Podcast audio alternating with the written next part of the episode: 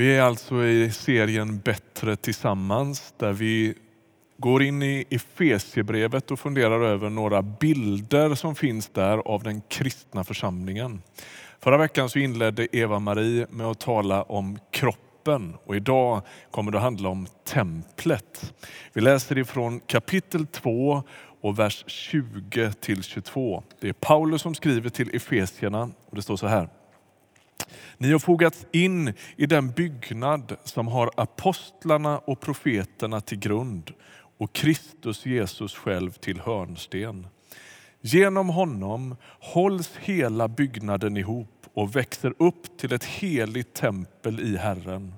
Genom honom fogas också ni samman till en andlig boning åt Gud.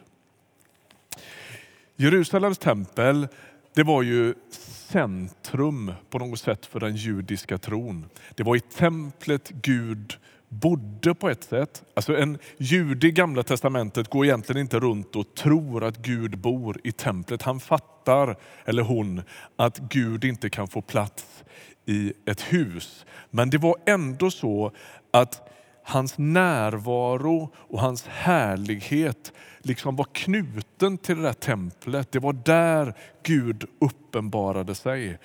Templet var Guds hem bland människorna.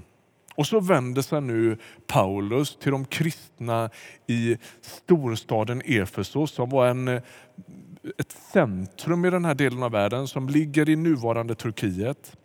Och där finns ju först och främst hedniska kristna. Alltså de inte, har inte judisk bakgrund utan de är hedningar, kallas det på bibelspråk, icke-judar.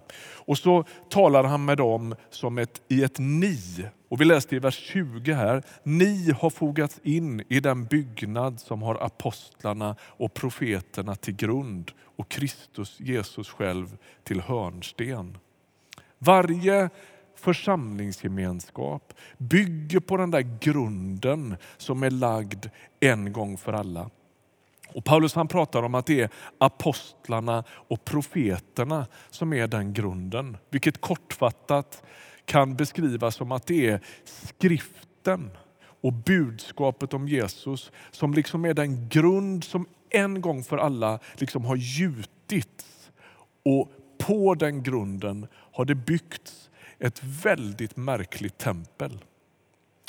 I templet i Jerusalem så var det så att vem som helst inte fick gå in där. I de innersta delarna av templet så var alla hedningar utestängda. Och så påstår Paulus nu, inte att hedningarna har fått tillträde till templet. Nej, han går mycket längre än så. Han säger, nu är det så här att han pekar på oss hedningar, oss icke-judar och säger ni har fogats in i en byggnad som är ett tempel. Ni var utestängda ur templet där Gud visar sin makt och sin härlighet. Men genom Guds nåd så får ni nu vara med och vara det templet. Och så finns det en alldeles avgörande byggnadsdetalj i det här templet och det är hörnstenen. Vid utgrävningar i Jerusalem så har man funnit en hörnsten ifrån Jerusalems tempel och den är enorm. Den där hörnstenen den mäter 12 meter på längden och är huggen i ett enda stenstycke. Makalöst stor sten. Och hörnstenen hade en väldigt viktig plats i den här stora tempelbyggnaden. Det är ju i hörnet naturligtvis, det är ju det självklara. Det är ju där som två väggar möts. Och vad är det här för en bild som Paulus försöker beskriva? Jo, det är bilden av hur judar och hedningar möts i Kristus Jesus. Och Det är ganska svårt för oss att liksom riktigt uppfatta tyngden i det.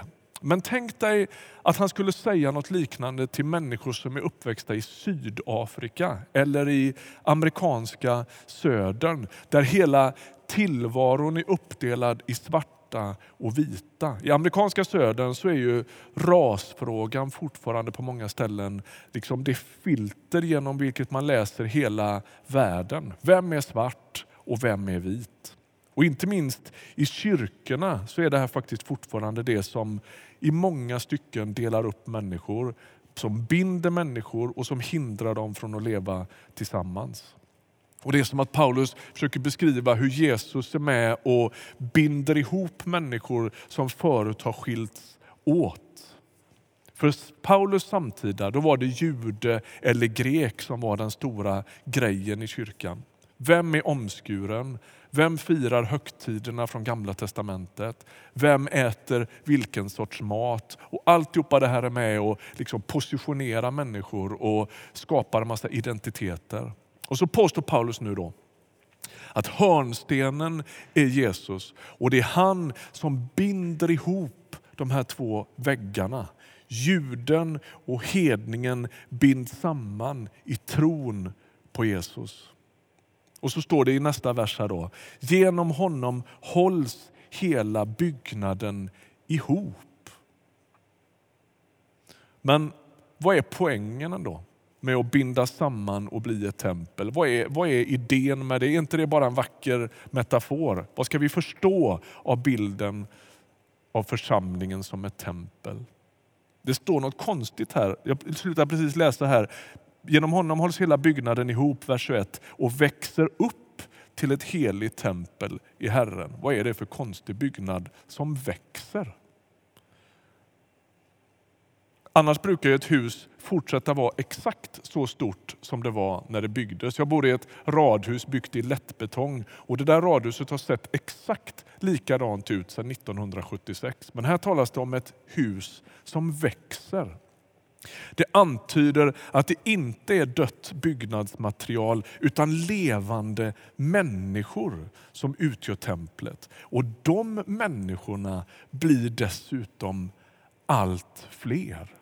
Alla vi som är infogade i det här templet och som har Jesus som hörnsten, vi växer som människor och vi blir också fler.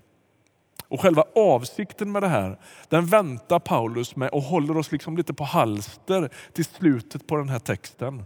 Vi fogas samman och i Sverige skulle vi kunna säga då, där kanske inte rasfrågan är den stora frågan eller jude kontra hedning, utan gamla fogas samman med unga. Svenskfödda fogas samman med de som är födda någon annanstans i världen.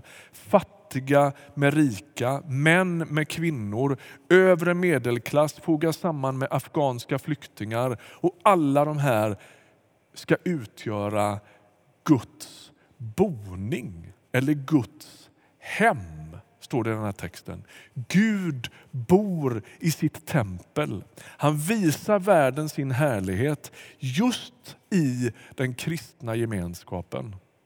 Ja, men tänker du, den är så bristfällig den kristna gemenskapen. Ja, det är precis i den brokigheten och det är precis i det sammanfogade som egentligen inte liksom, mänskligt skulle kunna leva tillsammans som Gud uppenbarar sig.